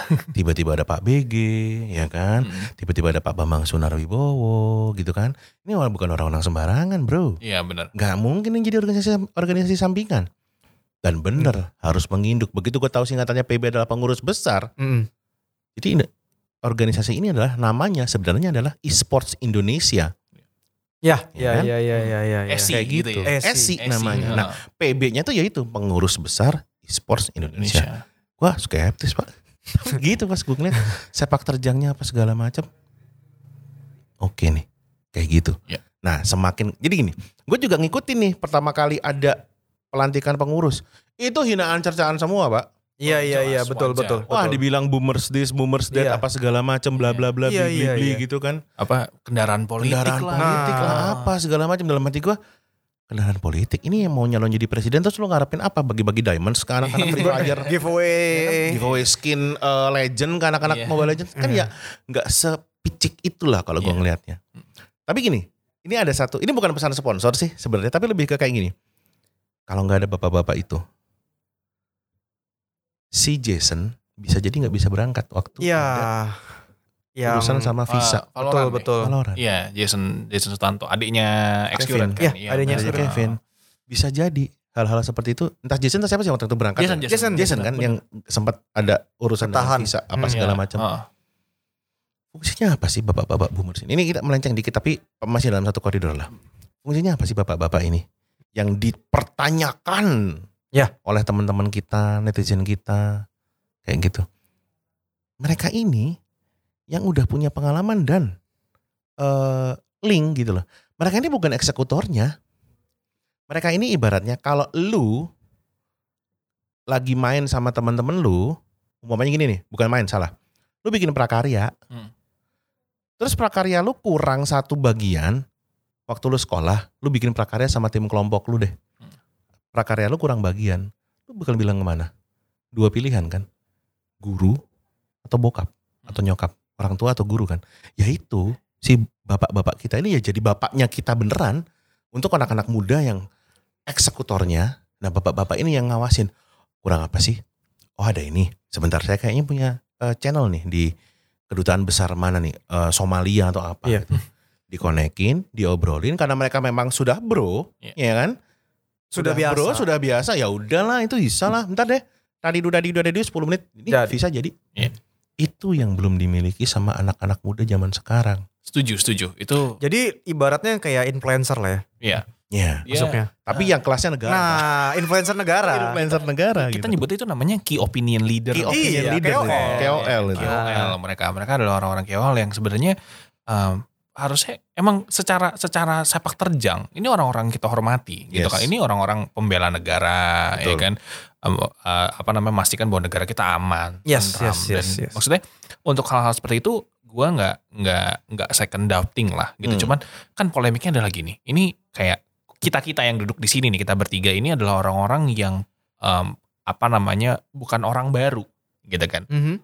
jadi ketika mereka masuk, kita tahu dan kita bisa melihat langsung gitu kan. Ya. Maksudnya kayak kemarin gue baru banget kemarin malam itu ketemu sama Pak Yohanes Yagian. Oke. Ya kan dari kantor eh, ketemunya di kantornya PBSI Mm-mm. di di apa di Gandaria. Gandaria. Ya kan. Keren banget cuy kantornya parah. Oh Cuman, jelas.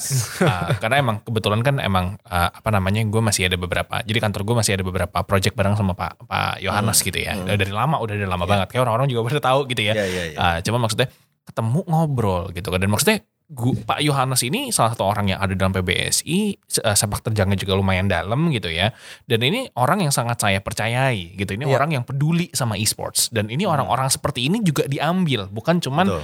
eh, bahasanya apa kasarnya simpatisan gitu ya bukan cuman simpatisan simpatisan aja tapi Bukan volunteer. Iya, Bukan volunteer. Nah, orang-orang yang benar-benar eh, apa namanya eh, punya capability Yes. punya link dan punya expertise di e-sports untuk nge-execute gitu kan. Jadi dalam konteks maksudnya uh, PB e-sports itu bukanlah sua- bukan kaleng-kaleng gitu Iya, bahasanya gitu ya. Dia bahasanya dia kaleng-kaleng, dia nggak kaleng-kaleng ya kan. Tapi memang um, hal-hal seperti ini menurut gue ya karena kan kita ngelihat itu uh, kita coba duduk atau atau berdiri di sepatunya orang-orang baru Mhm. ya kan orang-orang investor lah atau misalnya tim orang-orang yang baru mau invest ke tim atau player atlet-atlet e-sports atau soon to be atlet e-sports gitu Mhm. kan yang ngelihatnya kayak ini siapa? Kenapa mereka orang-orang apa jenderal? Terus ada yang dari Polri ya kan? Terus ada dari berbagai macam kalangan-kalangan yang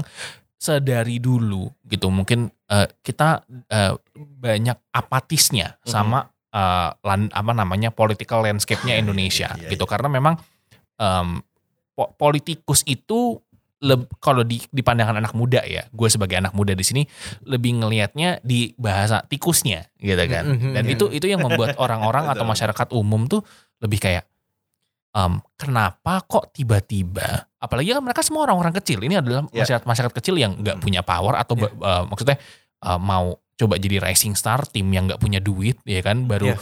uh, masukin maksudnya hire hire orang itu kayak sekedar nanti kita share um, hadiahnya deh gue Iya. sambil nyari sponsor gitu kan Iya. jadi untuk harus ngedaftarin diri Mhm. terus harus bayar iuran ya kan Mhm. lalu harus ngikutin peraturan-peraturan kayak misalnya uh, mungkin yang oh lo- kita belum tahu ya kita belum sampai sini nih cuma kan uh, ada tulisannya bahwa nanti akan di- dilakukan berdasarkan uh, ketua apa namanya surat bukan surat uh, keputusan ketua umum PBSI yang kayak gitu ya Hmm. Oke. ya kan jadi lanjutan-lanjutan nanti masih ada dalam PBSI itu mereka bilang uh, takutnya nanti tiba-tiba oh oh kalau lo mau masuk ke turnamen kita um, lo harus um, minimal punya gear kayak gini gitu kan takutnya kan hal seperti itu kan yang yang kita belum tahu nih what's Ya. coming ahead dengan uh, memberikan kekuatan sebesar itu ke suatu um, uh, apa namanya in cabang induk olahraga atau uh, federasi atau pengurus besar atau organisasi apa pun itu uh, yang ketuanya atau orang-orang yang di dalamnya itu bukan uh, kalau gue sebutnya sebagai negara demokrasi ya bukan orang-orang yang mereka pilih. Mhm. gitu. Karena at the end of the day mereka tidak merasa represented Iya, mereka betul. tidak merasa diwakilkan di dalam Iya, ya kan? Nggak ada orang perwakilan mereka. Kalau gua ada Pak Yohanes jadi gue percaya. Mas Ger udah udah eh, apa sih pang oh maksudnya udah ngalamin gitu kan gimana kerja sama mereka. Gue jamin juga Yota juga punya teman-teman di sana yang maksudnya kita sama-sama mereka orang-orang capable kok gitu kan? Sebenarnya banyak sih orang-orang e-sport yang nggak kelihatan. iya. Yang yang ibaratnya yang tahu tuh ya cuma kita kita aja yang biasa Ya. kerja di balik layar atau berinteraksi dengan orang-orang di balik layar. iya Nah kalau gamer-gamer yang biasa ya mungkin gue bilangnya orang-orang sipil gitu ya. iya, ha. Masyarakat pada umumnya mungkin nggak ngeliat sebenarnya. Padahal ya ibaratnya kerja di balik layar tuh kan melelahkan. Iya. Meeting, setting, eh terus pas hari H-nya standby, ya kan. Kerjaannya ya sebenarnya banyak dan ya kayak lu tadi yang bilang gitu. eh sebenarnya banyak juga yang kompeten. Cuman mereka nggak tahu aja. Tep- makanya tapi yang jadi masalah itu kan adalah how do we gain atau gimana cara kita meningkatkan eh, up trust gitu Trust ya ya. ke masyarakat umum supaya PBSI itu bisa lebih diterima untuk masyarakat kecil yang tidak tahu apa-apa Mhm. baru mau nyemplung Mhm. gitu kan atau ingin berkecimpung lebih dalam Iya. itu menurut gue penting itu itu salah satu faktor yang cukup penting untuk bisa melancarkan atau eh, apa namanya menjalankan apa yang dija- ingin dijalankan oleh PBSI gitu. Gue karena gini kalau dari posisi gue sendiri gue sangat setuju sama standarisasi ya kan? Apalagi ini akan ngebantu caster-caster ya kan? Orang-orang di belakang layar yang memastikan kalau misal tiba-tiba nih uang dibawa lari atau nggak turun gitu kan? Kita tahu nih kita harus ngomong sama siapa ya Iya. kan? Apalagi Minta kalau ada- tolong. iya minta tolong gitu kan? Maksudnya mereka juga nggak mungkin dong ya kan mengelak dari orang-orang eh, apa yang bahasa netizen boomer boomer ini yang kita tahu punya influence ke mana-mana Betul. gitu kan jadi eh, apa namanya tentunya gua sangat open dan gua sangat bersyukur bahwa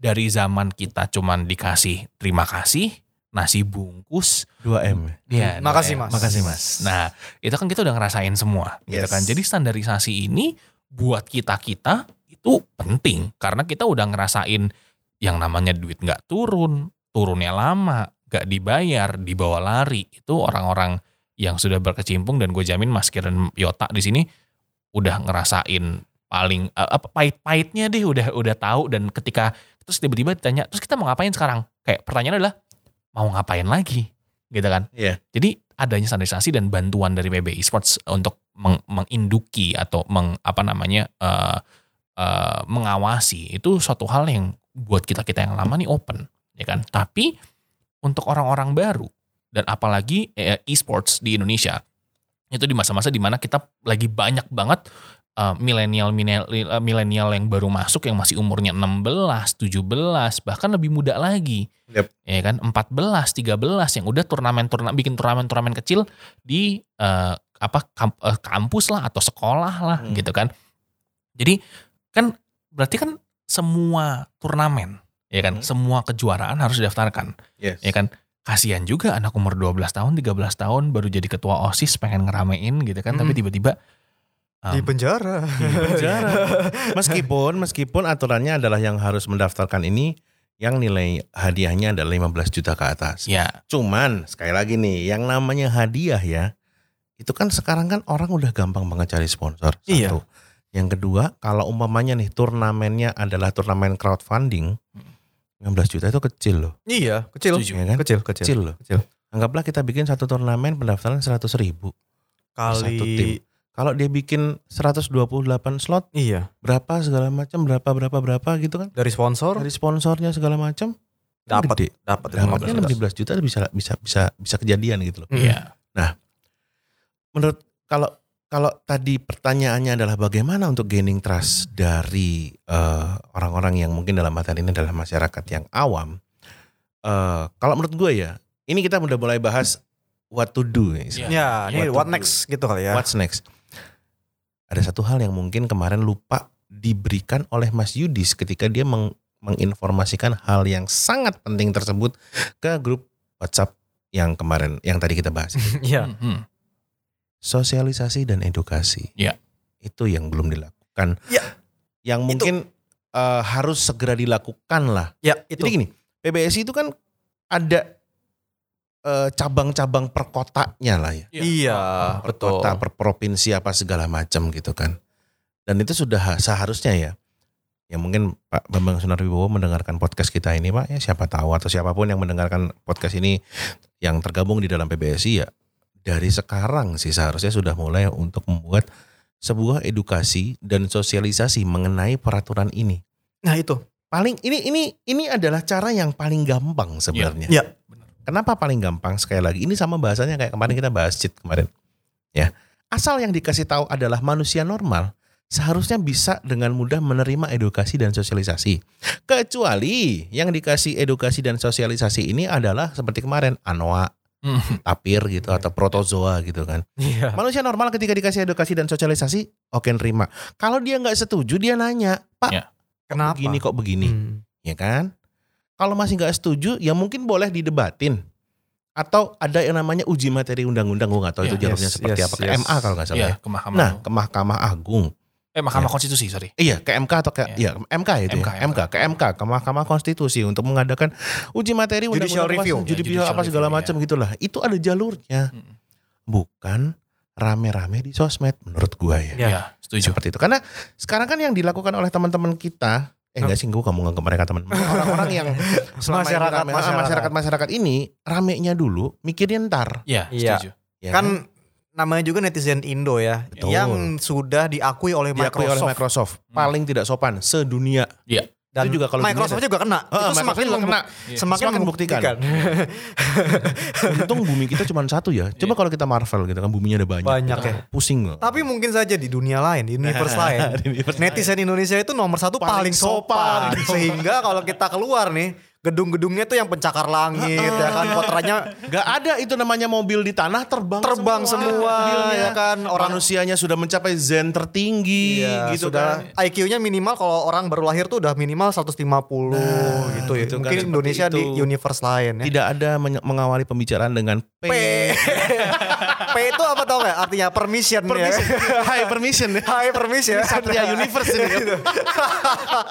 Jadi gini, kalau melalui sosialisasi dan edukasi menurut gue itu adalah hal yang paling mudah ya. Karena gini, sosialisasi nih teman-teman eh pecinta e-sport, stakeholder, apa bla bla bla segala macam. Kita punya peraturan ya dari negara peraturannya seperti ini.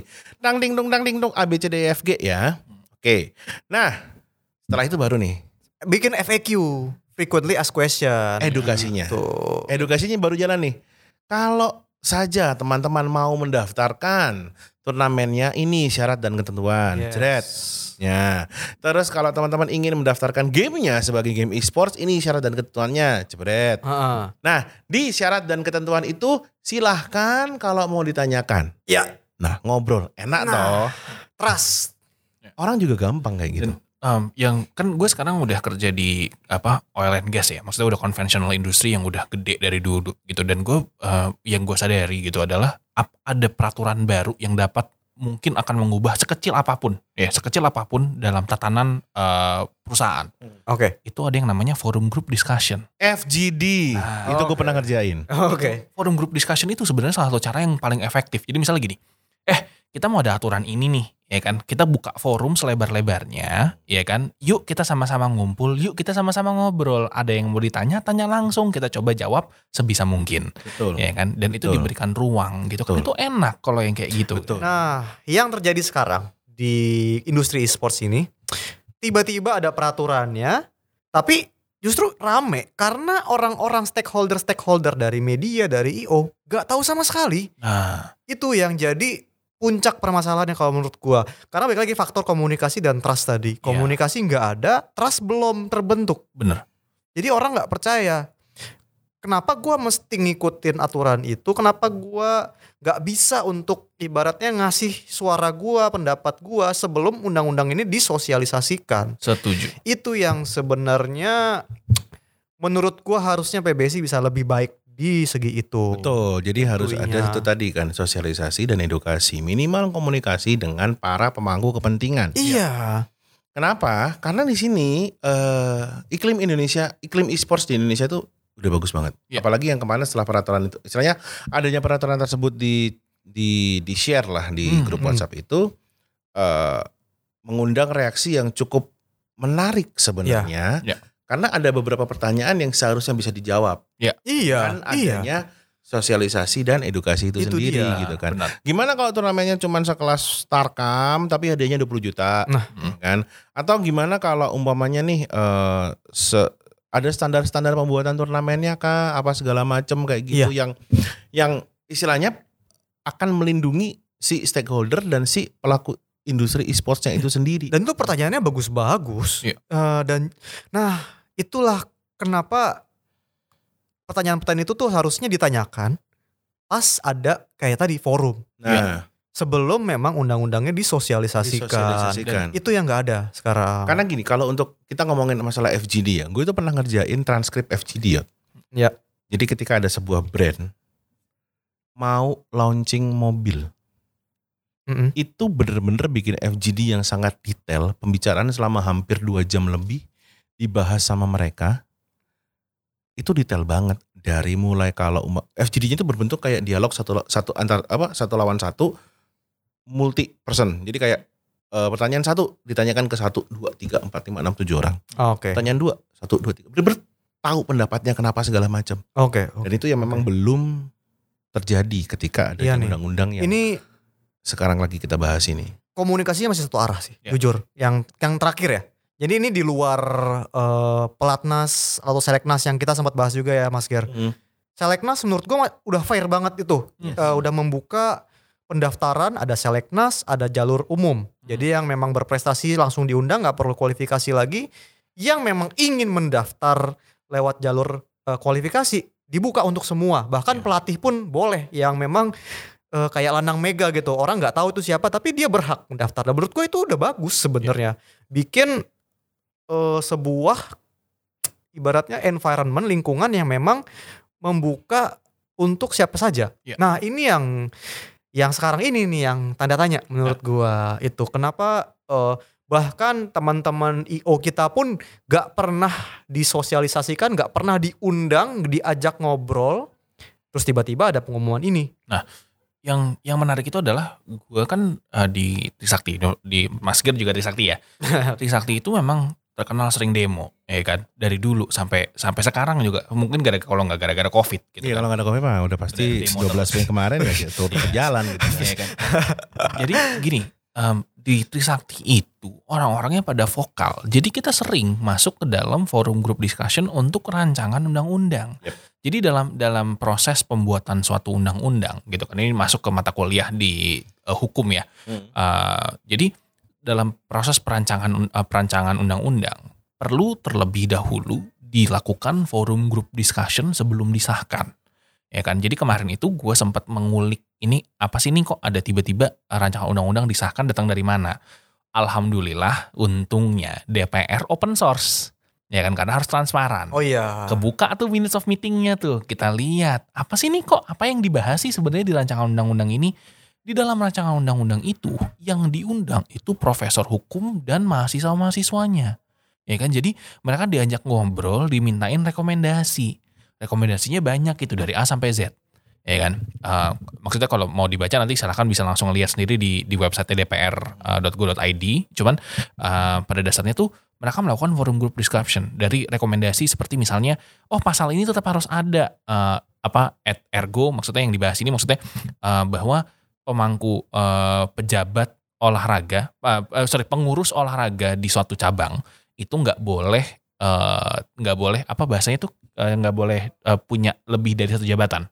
Nggak boleh multi jabatan. Iya nggak boleh rangkap, rangkap bahasanya nggak boleh rangkap jabatan. Ya, ya, Ya kan, jadi dia nggak boleh yang namanya conflict of interest gitu kan. Terus dibahas itu bahwa dulu KPK tahun 2020 menemukan bahwa apalagi masalah PSSI dulu ya, Ah, kalau yang rangkap jabatan itu memang eh, cenderung korupsi, jadi lebih coba di avoid gitu kan. Memang ada ada pasal 40 UU SKN itu di situ disebutin gitu bahwa memang nggak boleh rangkap jabatan ke jabatan publik ya, jabatan Iya. struktural dan publik. Em, untuk komite-komitinya. Jadi em, di situ tuh kita ngelihat banyak banget hal-hal yang bagus yang Hmm. membuat gua juga lebih lebih lebih eye opening aja gitu karena dijelasin reasoningnya Oke. gitu kan kenapa diiyakan, kenapa dienggakkan, kenapa rekomendasi ini ada dan kenapa rekomendasi ini lebih baik ditiadakan. Jadi Ya. tuh hal-hal itu eh, dijelasin semua secara detail dalam laporan-laporan yang ada di DPR. Ya kan karena memang harus transparan gitu karena mereka perwakilan kita. Kita kan Hmm. bahasanya gitu ya.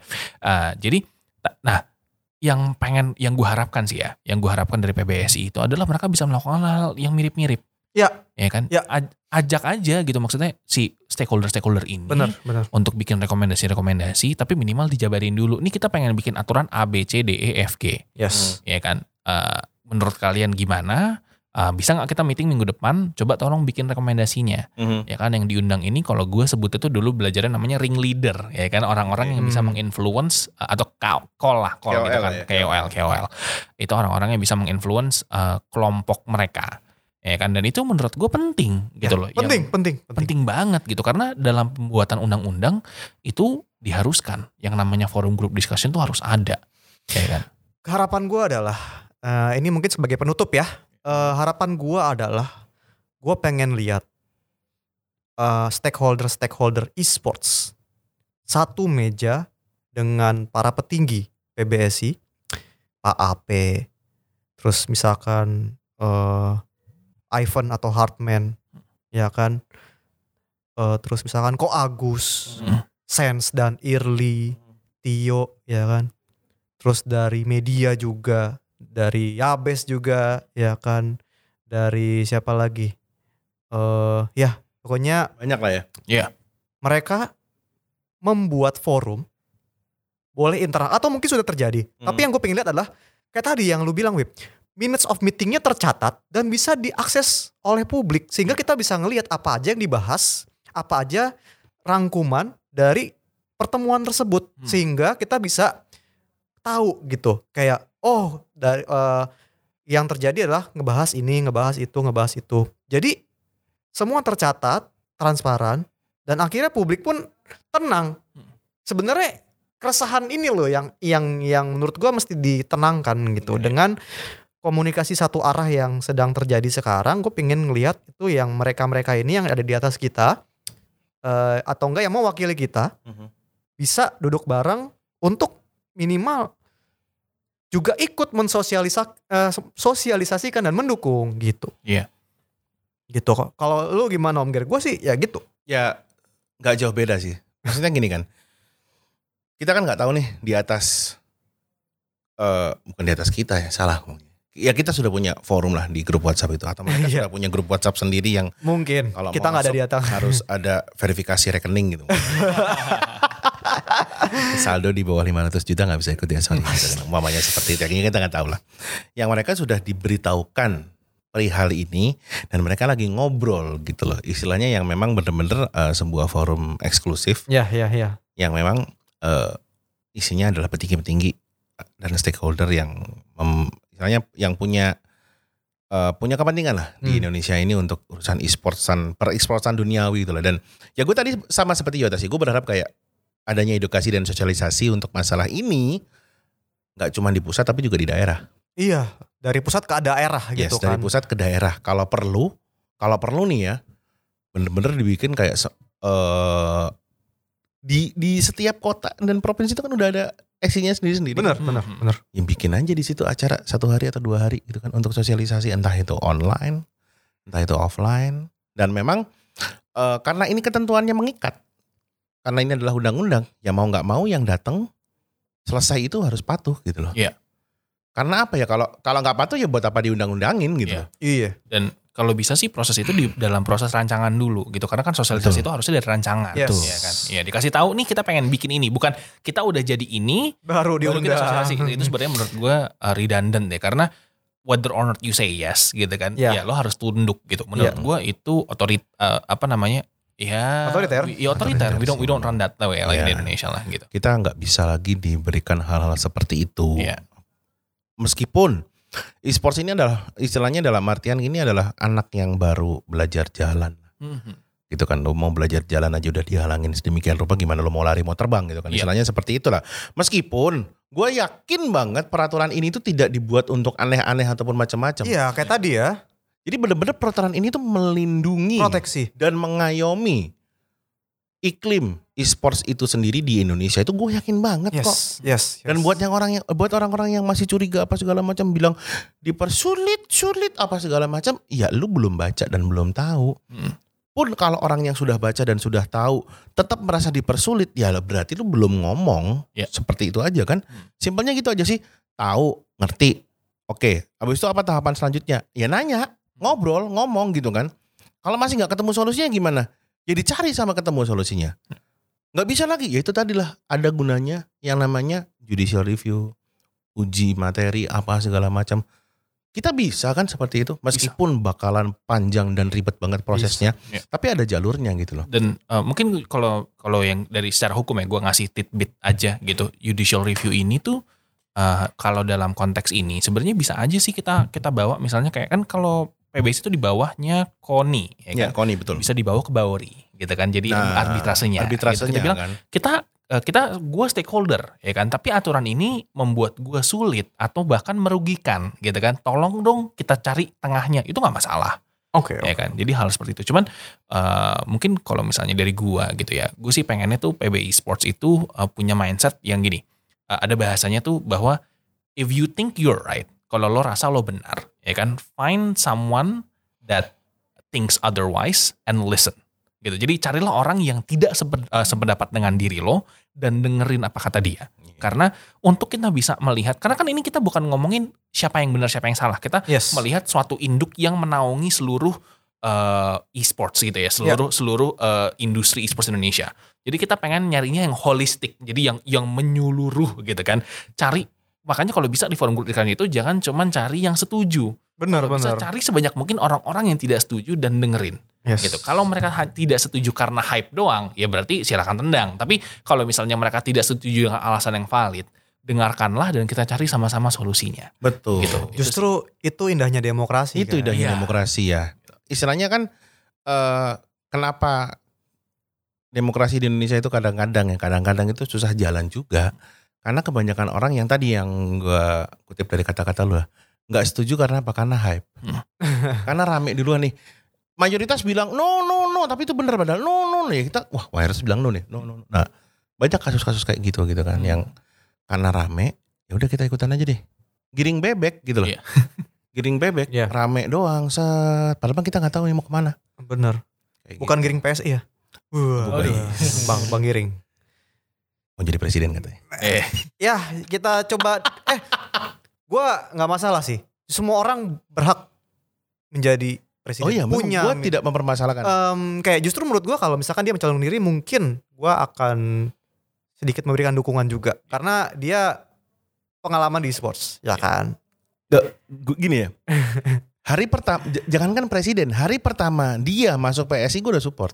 Iya iya gue iya. kenal beliau sudah cukup lama gitu kan dan ya gue kenal beliau dari masih jadi artis lah. Maksudnya kenal tuh dalam artian kita pernah bekerja sama bareng yes gitu kan, yes dalam yes sebuah yes.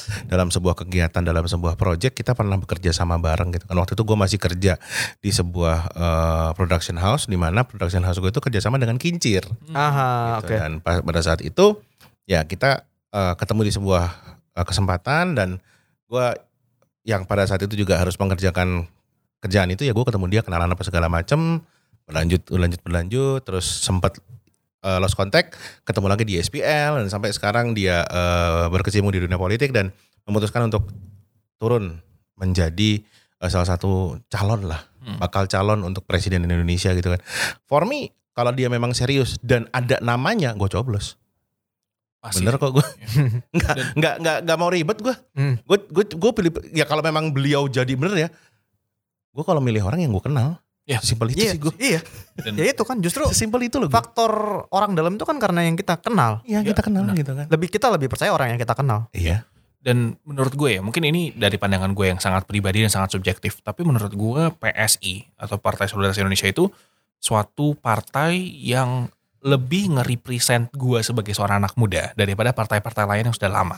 Gitu kan. Hmm. Jadi jujur gue suka sama konsepnya ya. Karena Konsepnya. karena Konsep. PSI ini belum banyak berkecimpung karena kemarin kalah kan dia Iya. di, Yes. di di DPR pun mereka Mm. kalah. Menangnya di DPRD kalau nggak salah Iya DPRD sebenarnya Jakarta. DPRD betul. Ya, dan maksudnya di di DPR itu mereka kalah, jadi kita nggak ngelihat banyak Suaranya. suaranya atau aksinya gitu kan. Cuman um, melihat dari cara mereka menggebrakan diri dan berani bawa anak-anak muda gitu kan ke ke ruang lingkup itu, itu menurut gua giring masuk PSI itu adalah salah satu pilihan yang um, bisa gue support gitu. Karena gue suka sama giringnya ya kan? Gue respect sama giringnya apalagi gue juga ngecast di Piala Presiden kan sama Mas Gier juga kan? Heeh. Uh, terus gue juga suka sama partainya dalam konsep oh ini uh, dari semua partai yang ada this one party represents what I think and how I feel. Gitu kan kasarnya kayak gitu. Ya kan? Tapi itu subjektif ya karena Yes, kita punya pastinya. ini masing-masing gitu. So itulah tadi teman-teman ya bahasan kita mengenai rancangan undang-undang ini Yes, dan, dan- segala macam keramaiannya. Ya. Termasuk juga apa yang seharusnya dilakukan setelah ini. Ya, moga-moga ya. Ya moga-moga. Jadi sekali lagi buat teman-teman yang mendengarkan podcast Genticaster kali ini jangan lupa untuk di subscribe Spotify-nya ya. Sekali lagi karena kita nggak akan ke YouTube. Kita cukup pengen kalian tuh dengerin ini sambil main. Iya, dengerin ini sambil eh, anggaplah kita ini adalah radio kalian kalau pagi lagi mau ke tempat kerja gitu kan. Dan kita juga tidak berharap untuk dilihat muka sih untuk saat ini. Iya. Karena uh, selain eh, peralatannya tidak ada, muka juga tidak ada. mukanya juga tidak menjual. Maka dari itu hashtagnya adalah ganti caster. So thank you once again sudah mendengarkan kita kali Thank you ini. juga buat Wibi. Thank you untuk Thank you, Wibi thank you udah sudah hadir di eh, ngobrol-ngobrol santai kita ini. Semoga apa yang kita obrolin kali ini bersama Yota, bersama gua bisa menjadi satu pembahasan yang menarik untuk ditindaklanjuti oleh Yes. teman-teman kita yang berkepentingan. Dan pastinya sekali lagi teman-teman jangan lupa untuk di subscribe, di follow. Kalau di, di Spotify nyala- nyalain loncengnya atau nyalain belnya untuk mendapatkan notifikasi episode-episode berikutnya dari podcast Ganti Caster. So, gua Gary dan juga Yota. pamit undur diri dulu sekaligus sampai jumpa di episode podcast Ganti Caster berikutnya. Thank you and goodbye. Goodbye.